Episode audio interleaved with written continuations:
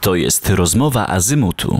Dziś jesteśmy na warszawskich targach książki na Stadionie Narodowym, a naszym gościem jest pan Tomasz Samojlik, a właściwie pan doktor Tomasz Samojlik, twórca komiksów i książek dla dzieci, ale przede wszystkim naukowiec Instytutu Biologii Ssaków Polskiej Akademii Nauk. Panie Tomaszu, bardzo dziękuję, że znalazł Pan dla nas chwilę i jest Pan dzisiaj z nami. Bardzo się cieszę, że jestem też z Wami. I od razu to, żeby ułatwić sobie komunikację, to jestem Tomek, Marcinie, już tego Pana po prostu sobie wyrzucamy, będzie o wiele prościej. Super. Część naszych słuchaczy może nie być na bieżąco z rynkiem komiksowym, więc y, muszę o to zapytać. Jak to się stało, że poważny naukowiec y, zajmujący się na co dzień historią Puszczy Białowieskiej stwierdził, że powinien zacząć opowiadać historię dla dzieci. Kiedy rozpocząłeś publikowanie? Już byłeś pracownikiem Polskiej Akademii Nauk, a nagle spod Twoich rąk mm, tych najróżniejszych publikacji pojawiło się już ponad 40. To prawda, tak. E, Ale to przecież nic dziwnego. Naukowiec też człowiek. Naukowiec też może się interesować komiksami. Ja się interesowałem komiksami od dzieciństwa i zawsze chciałem je robić. I robiłem też wcześniej, zanim zostałem naukowcem, zanim zostałem doktorem nauk przyrodniczych. E, Ale dopiero kiedy już jako naukowiec zdałem sobie sprawę, że jedną z e, misji, powinności każdego naukowca jest popularyzacja wiedzy, którą sam zdobywa, którą zdobywają jego koledzy, E, to dopiero wtedy mi wszystkie kółka zębate się zazębiły. I dopiero wtedy wpadłem na to, że przecież te moje pasje komiksowe, literackie można zaprząc do pracy, takiej dobrej pracy, w popularyzacji nauki. E, I to był pierwszy moment chyba w życiu moim jako twórcy, kiedy sam siebie zdołałem przekonać, że to ma sens, że jeżeli zrobię taki komiks, to ktokolwiek będzie chciał go czytać i być może nawet ktoś uzna, że jest to pożyteczne. I większość Twoich komiksów ma faktycznie miejsce w lesie, a głównymi bohaterami często są zwierzęta. O życiu leśnych zwierząt jednak opowiadasz nie wprost, nie piszesz podręczników. I ta wiedza często jest podana jako opowieść gatunkowa, fantazy, western, zdarzyło się zahaczyć o steampunk. E, a teraz wyszła bardzo dzika opowieść, część pierwsza zatytułowana Las Złamanych Serc. E, ale wbrew temu podtytułowi Las Złamanych Serc to wcale nie jest romans e, ani komedia romantyczna. To bardziej historia przyjaciół z przypadku, którzy wyruszają na bardzo ważną misję. Tak, tak, to, to prawda, ale z drugiej strony to tylko pierwszy tom, więc jeszcze nie wiadomo, co tam z Marcinem i Agatą zmodzimy w drugim. Może się okazać, że to jest klasyczna komedia romantyczna, ale żartuję, nie. Oczywiście to jest e, moim zdaniem e, takie kino nowej przygody w formie komiksowej. Tam dużo się dzieje, jest dużo perypetii, jest zagrożenie i to dosyć solidne, nawet e, powiedziałbym krwawe a wszystko kręci się wokół zwierząt porzucanych przez ludzi na leśnym parkingu. I stąd w ogóle nazwa Las Złamanych Serc. To jest taki fragment lasu w pobliżu jakiegoś nienazwanego miasta, w którym to lesie zwierzętom łamie się serca. Ten problem, tak jak wiele problemów poruszanych w moich komiksach, jest związany z głupotą, złośliwością, ze złą działalnością człowieka. I w ogóle jak się przyjrzeć e, fabułom moich komiksów, to zawsze na końcu tego łańcucha zła stoi człowiek. Zwierzęta zasadniczo nie boją się siebie nawzajem. Albo inaczej, boją się, ale mają sposoby, żeby się nawzajem przechytrzyć, obronić się przed e, drapieżnikiem, powiedzmy. Natomiast żadne ze zwierząt nie jest w stanie obronić się przed człowiekiem, a zwłaszcza takie zwierzęta, które są w 100% zależne od człowieka, zwierzątka domowe. Bo w tym komiksie w lesie porzucane są psy, koty, papugi, żółwie, ba, nawet patyczaki. E, więc to naprawdę jest duży problem. E, I to jest ta pierwsza warstwa komiksu, taka biologiczna, związana z faktycznym problemem, który obserwujemy również jako naukowcy. E, tak na marginesie, to mało kto zdaje sobie sprawę, że koty, nie tylko te porzucone, ale również te milusie domowe, głaskane, są jedną z e, najgorszych, jeśli chodzi o liczbę ofiar sił działających w naszych lasach. E, koty po prostu czynią spustoszenie, nie dlatego, że są głodne, tylko po prostu powodowane instynktem łowieckim. To zamykam ten nawias. To jest ta jedna warstwa, ale druga warstwa to jest wspomniane kino nowej przygody. Więc mamy perypetię takiej zupełnie przypadkowej grupy wyrzutków, dosłownych wyrzutków, którzy muszą połączyć się zewrzeć szeregi, połączyć swoje siły, żeby osiągnąć wspólny cel, którym pozornie jest powrót ich wszystkich do miasta. Ale tam jest jeszcze drugie, trzecie dno, to wszystko się okaże w drugim tomie. Ja trochę zdradzę, że trochę to się też kręci dookoła Rysia. I to, co mnie zastanawia, to czy to jest inspirowane też jakąś faktyczną historią? Walka o zachowanie rezerwatu Rysia, a przynajmniej walka o to, by las pozostał lasem. Czy to też ma jakieś e, oparcie w czymś, co się dzieje faktycznie obecnie teraz? Tak, oczywiście, chociaż jest to szyta grubymi nićmi metafora. To nie jest żaden konkretny rezerwat, e, którego historię bym tutaj przekładał na język komiksowy. To jest raczej taka metafora generalnie mm, działań człowieka z ostatnich kilku lat. E, obserwujemy to na przykładzie Puszczy Białowieskiej, ale nie tylko. To znaczy działania człowieka, któremu się wydaje, że on wie lepiej, czego natura potrzebuje i że taka natura, która śmie sama sobą rządzić, E, to jest właściwie wynaturzenie. E, dla mnie jako naukowca, biologa, ekologa, historyka przyrodniczego e, jest to mm, szalenie przykre. Zwłaszcza, że wydawać by się mogło, że wraz z rozwojem wiedzy powinniśmy coraz więcej wiedzieć, coraz bardziej szanować te fragmenty przyrody, które jeszcze człowiek nie zmodyfikował i nie zniszczył. Ale to, co obserwuję w ostatnich latach, to raczej proces odwrotny. Coraz większa buta, i ignorancja w podejściu do tematu ochrony przyrody, w podejściu do tematu ochrony konkretnych gatunków. E, I ten komiks jest takim delikatnym, skierowanym raczej do młodszego czytelnika głosem w tej dyskusji, że, że może człowiek nie jest wszystko wiedzący, może to nie człowiek powinien regulować wszystko, co się w przyrodzie dzieje. A takie próby regulowania e, czasami prowadzą do bardzo złych efektów. One są mocno przerysowane w tym komiksie i wątek Rysia również, ale jednak jest to odzwierciedlenie tego, co obserwuję wokół nas. No właśnie, trudno nie zauważyć, że w Twoich komiksach, gdy pojawi się człowiek, to często świadomie bądź nie czyni więcej złego niż dobrego. O czym według Ciebie najczęściej zapominamy w lesie? O czym każdy z nas powinien pamiętać?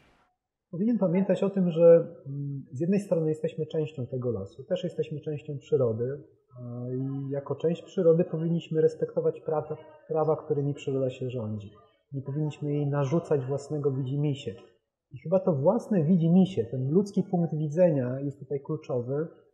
Postaraliśmy się razem z Adamem Wajrakiem pokazać w serii Umarły las, nieumarły las i Zew Padliny, czyli takich trzech komiksów, które rozgrywają się e, w konkretnym zakątku Puszczy Białowieskiej, w którym bardzo dużo martwych drzew. Tych martwych drzew jest nawet więcej niż drzew żywych, stojących.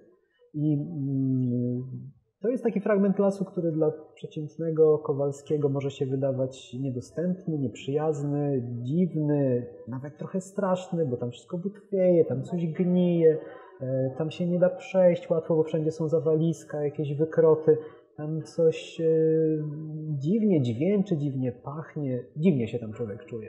I pierwsza nasza zupełnie ludzka, naturalna tendencja jest taka, że należy to uprzątnąć, to jest jakiś, e, no właśnie, degeneracja prawdziwego obrazu lasu, który w naszych oczach, ideał lasu, często wygląda jak park. Jest przestronny, jasny, widny, można tam pójść na spacer, tam się nie trzeba niczego bać, bo wszystko widać jak na dłoni. Komiksach, które robimy z Adamem, pokazujemy, że to jest tylko i wyłącznie ludzki punkt widzenia, który ma się nijak do tego, jak przyroda funkcjonuje w rzeczywistości i że taki umarły, martwy las tak naprawdę jest najbardziej żywym miejscem w, we wszystkich lasach, które mamy, zwłaszcza w Puszczy Białowieskiej. I to jest ten podstawowy błąd, który robimy. Przykładamy naszą ludzką miarę do zjawisk przyrodniczych, nazywamy wilka złym stworzeniem, a zająca dobrym, kiedy tak w istocie w przyrodzie nie ma dobra i zła. Są procesy przyrodnicze i nie trzeba ich wartościować naszymi ludzkimi pojęciami, nie trzeba się ich bać, tylko trzeba je zrozumieć. A ja mam nadzieję, że jak zrozumiemy, będziemy podchodzić do nich z szacunkiem. A jak będziemy podchodzić do nich z szacunkiem, to będziemy chcieli je zachować i ochronić. Tyle. Jeżeli las potrzebuje w czymś dzisiaj naszej pomocy, to czym? No właśnie, to jeszcze musimy sobie podzielić lasy bo jest las e, taki jak Puszcza Białowieska, który tak naprawdę nie powinien nazywać się nawet lasem. To jest puszcza, to jest twór pierwotnej natury, którego człowiek tak naprawdę nie zdołał przekształcić według własnego widzimisię, według własnego planu, mimo stuleci prób. ale są też lasy w sensie plantacje. Lasy, które zostały zaplanowane, zasadzone i są doglądane przez leśników. ta druga kategoria faktycznie potrzebuje naszej stałej uwagi. Jest to sztuczny twór jako taki ciężko jest mu sobie poradzić, że tak powiem. Chociaż tak naprawdę, gdybyśmy również takie plantacje pozostawili samym sobie, to one w końcu przekształciłyby się w prawdziwe, naturalne lasy. Sęk w tym, że zajęłoby im to jakieś 150, 200 czy 300 lat. No, nikt nie ma ochoty tyle czekać. W takich lasach zatem obecność człowieka, jego ingerencja jest jak najbardziej naturalna, że tak się wyrażę. Natomiast w tych miejscach, gdzie zdołało się ostać chociaż cząstka naturalnych procesów, naturalnych drzewostanów, naturalnych ekosystemów, e, to tam powinniśmy się ograniczyć do roli obserwatorów, do roli ochroniarzy, do roli uczniów natury. Tak, tak to sobie idealistycznie wyobrażam, że powinniśmy dążyć do tego, żeby jak najwięcej się dowiedzieć z tych miejsc, których jeszcze nie zniszczyliśmy, bo to może być kluczowe. A może już jest kluczowe, kiedy mm, zmiany spowodowane przez działalność człowieka osiągnęły wymiar globalny, kiedy takich miejsc, gdzie jeszcze się ostały mm, prawa natury, takie niezmodyfikowane przez człowieka, jest tak mało, że pewnie w Europie można je policzyć na palcach obu rąk, e, to za chwilę już nie będziemy mieli możliwości spojrzenia, jak to kiedyś funkcjonowało, a co za tym idzie, no, nasze próby odtworzenia tego, co kiedyś było, będą pewnie mało skuteczne. Rozmawiamy w harcerskim podcaście, a harcerze całkiem sporo czasu spędzają w lesie, przynajmniej ten miesiąc w roku podczas obozów. Las jest jednak dla nas raczej tłem niż przedmiotem obozowego życia. W jaki sposób, y, gdzie według Ciebie szukać w lesie zdarzeń, miejsc procesów na tyle ciekawych, by opowiadać o nich, czy uczniom z początkowych klas podstawówki, czy Paradoksalnie wydaje mi się, że można je znaleźć dosłownie wszędzie. Wystarczy jakikolwiek fragment lasu, a już tam możemy zaobserwować jakieś odległe echa tych właśnie procesów, które w pełni jeszcze funkcjonują w, we fragmentach Puszczy Białowieskiej. E, weźmy na przykład wywrócone drzewo. Wystarczy, że w takim zwykłym gospodarczym lesie wywróci się drzewo i nie zostanie usunięte przez parę lat. I to już jest taka miniaturka tego, co w pierwotnym, naturalnym lesie byśmy widzieli wszędzie. A więc to drzewo sobie spokojnie wytchwieje, zostaje zasiedlone przez różne gatunki bezkręgowców. Możemy sobie zajrzeć pod korę, możemy zobaczyć, co tam się dzieje, możemy zobaczyć, kto ubił sobie gniazdko w korzeniach takiego drzewa. To jest już taka namiastka tego, co byśmy mogli badać, gdyby dało się założyć obóz w rezerwacie ścisłym Białowieskiego Parku Narodowego, co jest rzecz jasna niemożliwe, no ale też nie ma takiej potrzeby. Wydaje mi się, że jak harcerz, jak i każdy turysta odwiedzający las, jeżeli wejdzie tam z odpowiednim nastawieniem, to znaczy z otwartym umysłem, z otwartymi oczami i z chęcią nauczenia się tego, jak las funkcjonuje, to nawet w najbardziej przekształconym środowisku coś tego wyniesie. E, ważne jest właśnie to, to podejście. E, wydaje mi się, że podejście cechujące się szacunkiem i otwartością i takim głodem wiedzy jest najodpowiedniejsze. Natomiast na odwrót, jeżeli wchodzimy do lasu e, i od razu go oceniamy, i od razu go wartościujemy, od razu mówimy, że jest paskudny, od razu stawiamy się w pozycji takiego wyższego bytu, no to wtedy zamykamy się na to, co on może nam zaoferować. Bardzo dzika opowieść to świetne, przepiękne rysunki Marcina Podolca, to nadające klimat całej opowieści kolory Agaty Mianowskiej ale wszystko wychodzi z napisanej przez Ciebie historii, która prowadzi młodego czytelnika przez najróżniejsze emocje, a na sam koniec sprawia, że od razu chce się wiedzieć, co wydarzy się w następnej części. Jednocześnie można się czegoś dowiedzieć o zachowaniach Rysia, o praktykach kulinarnych słów, można poznać kilka leśnych zwierząt, czy wyciągnąć wnioski z tego, jak ludzie traktują dziś lasy, czy własnych domowych pupili. Wielu naszych słuchaczy drużynowych w wakacje stanie przed wyzwaniem samodzielnego opowiadania gawęd. Jak ty podchodzisz do budowania opowieści? No, zupełnie naturalnie, to znaczy przynajmniej do tej pory nie starałem się nigdy budując moje opowieści kierować jakimiś schematami. E, które poznałem jako, jako scenarzysta serialu animowanego Żubrze Pompiku i teraz e, autor scenariusza, współautor scenariusza do Ryjówki Przeznaczenia, której ekranizacja jest szykowana. Okazało się, że wszystkie dotychczasowe moje książki i komiksy powstawały w oderwaniu od takich żelaznych reguł, którymi scenopisarze się kierują od lat. I moim zdaniem tych reguł tak naprawdę nie trzeba znać. Nie trzeba wkuwać ich na pamięć, a potem przy ognisku odtwarzać kolejnych etapów drogi bohatera i rozwoju bohatera, żeby opowieść miała sens. Ja mam taką taktykę, że już na początku opowieść musi czymś przykuć e, słuchacza, czytelnika, odbiorcę, e, a potem ma przede wszystkim bawić mnie samego. To znaczy, jeżeli uda mi się złowić moją uwagę przede wszystkim, jeżeli ja sam mam ochotę dowiedzieć się, co się działo dalej z bohaterami, e, to ufam, że wtedy również mój odbiorca będzie, przynajmniej po części, podzielał moje zainteresowanie. I na odwrót. Czasami jest tak, że ktoś mi proponuje jakiś temat, czy, czy wręcz narzuca, i ja go nie czuję od samego początku, i to nie ma sensu. Po prostu ta opowieść umiera po, po samym wstępie i nie ma szans, żebym ją pociągnął. Także Oczywiście, łatwo mi powiedzieć, to siadajcie przy ognisku i opowiadajcie, e, ale trochę tak jest. Opowiadajcie dla siebie przede wszystkim, e, bo jeżeli was samych ciekawi to, co mówicie, e, no to dlaczego inni nie mieliby być ciekawi tego, co im powiecie? I na odwrót. Nie opowiadajcie niczego na siłę, bo, bo tego wymaga sytuacja, bo ktoś wam coś kazał. Tyle. Jakoś testujesz te swoje opowieści wcześniej na swoich własnych dzieciach? Tak, ja mam bardzo dobrze. Mam, mam dwójkę kochanych dzieciaków, Jagienkę i Tymka, i oni są zawsze e, pierwszymi odbiorcami moich pomysłów. E, to jest pierwsze sito. Wiele pomysłów przez to sito nie przechodzi. Konsultuję z nimi pomysł na nową książkę, serię, nowy komiks. Pytam, czy chcieliby coś takiego poczytać.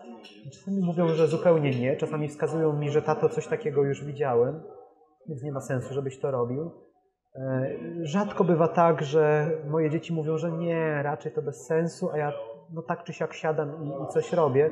Zwykle są to takie komiksy, e, które mają bardzo ważną ideę do przekazania i wiem, że muszę je zrobić, chociaż może moje dzieci nie są tak super tym zainteresowane, ale to są naprawdę rzadkie wypadki. W większości jest tak, że moje dzieciaki dają swoją pieczątkę zatwierdzającą na samym początku i ja wtedy spokojnie rozwijam opowieść, pokazując im po drodze każdy kolejny etap, e, co ma pewną negatywną e, stronę, to znaczy moje dzieci, które, kiedy już dostają gotowy komiks czy książkę, znają ją od podszewki. E, więc może to jest takie dla nich no już mało ekscytujące.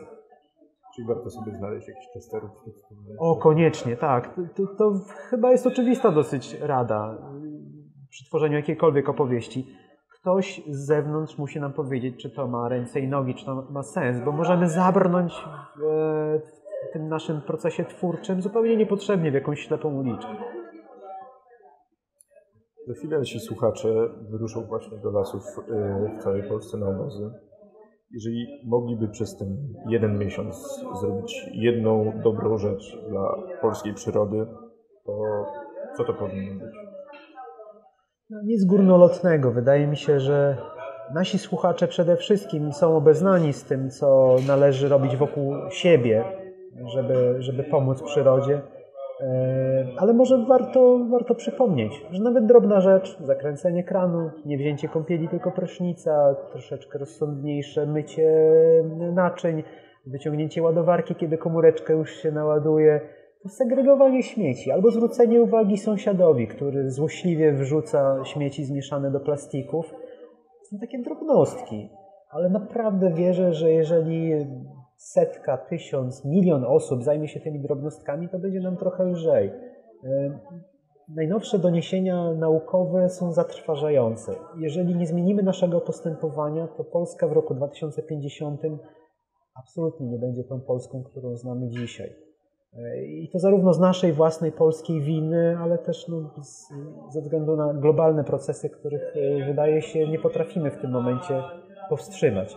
Tym niemniej to jest chyba ostatni dzwonek, żeby się puknąć w czoło albo plasnąć otwartą dłonią i powiedzieć, no ludzie, opamiętajmy się, bo następne pokolenie nie będzie miało przyrody takiej, którą my znamy, nie będzie miało pór roku, które my znamy w zasadzie nie będzie miało takiego życia, do którego my przywykliśmy.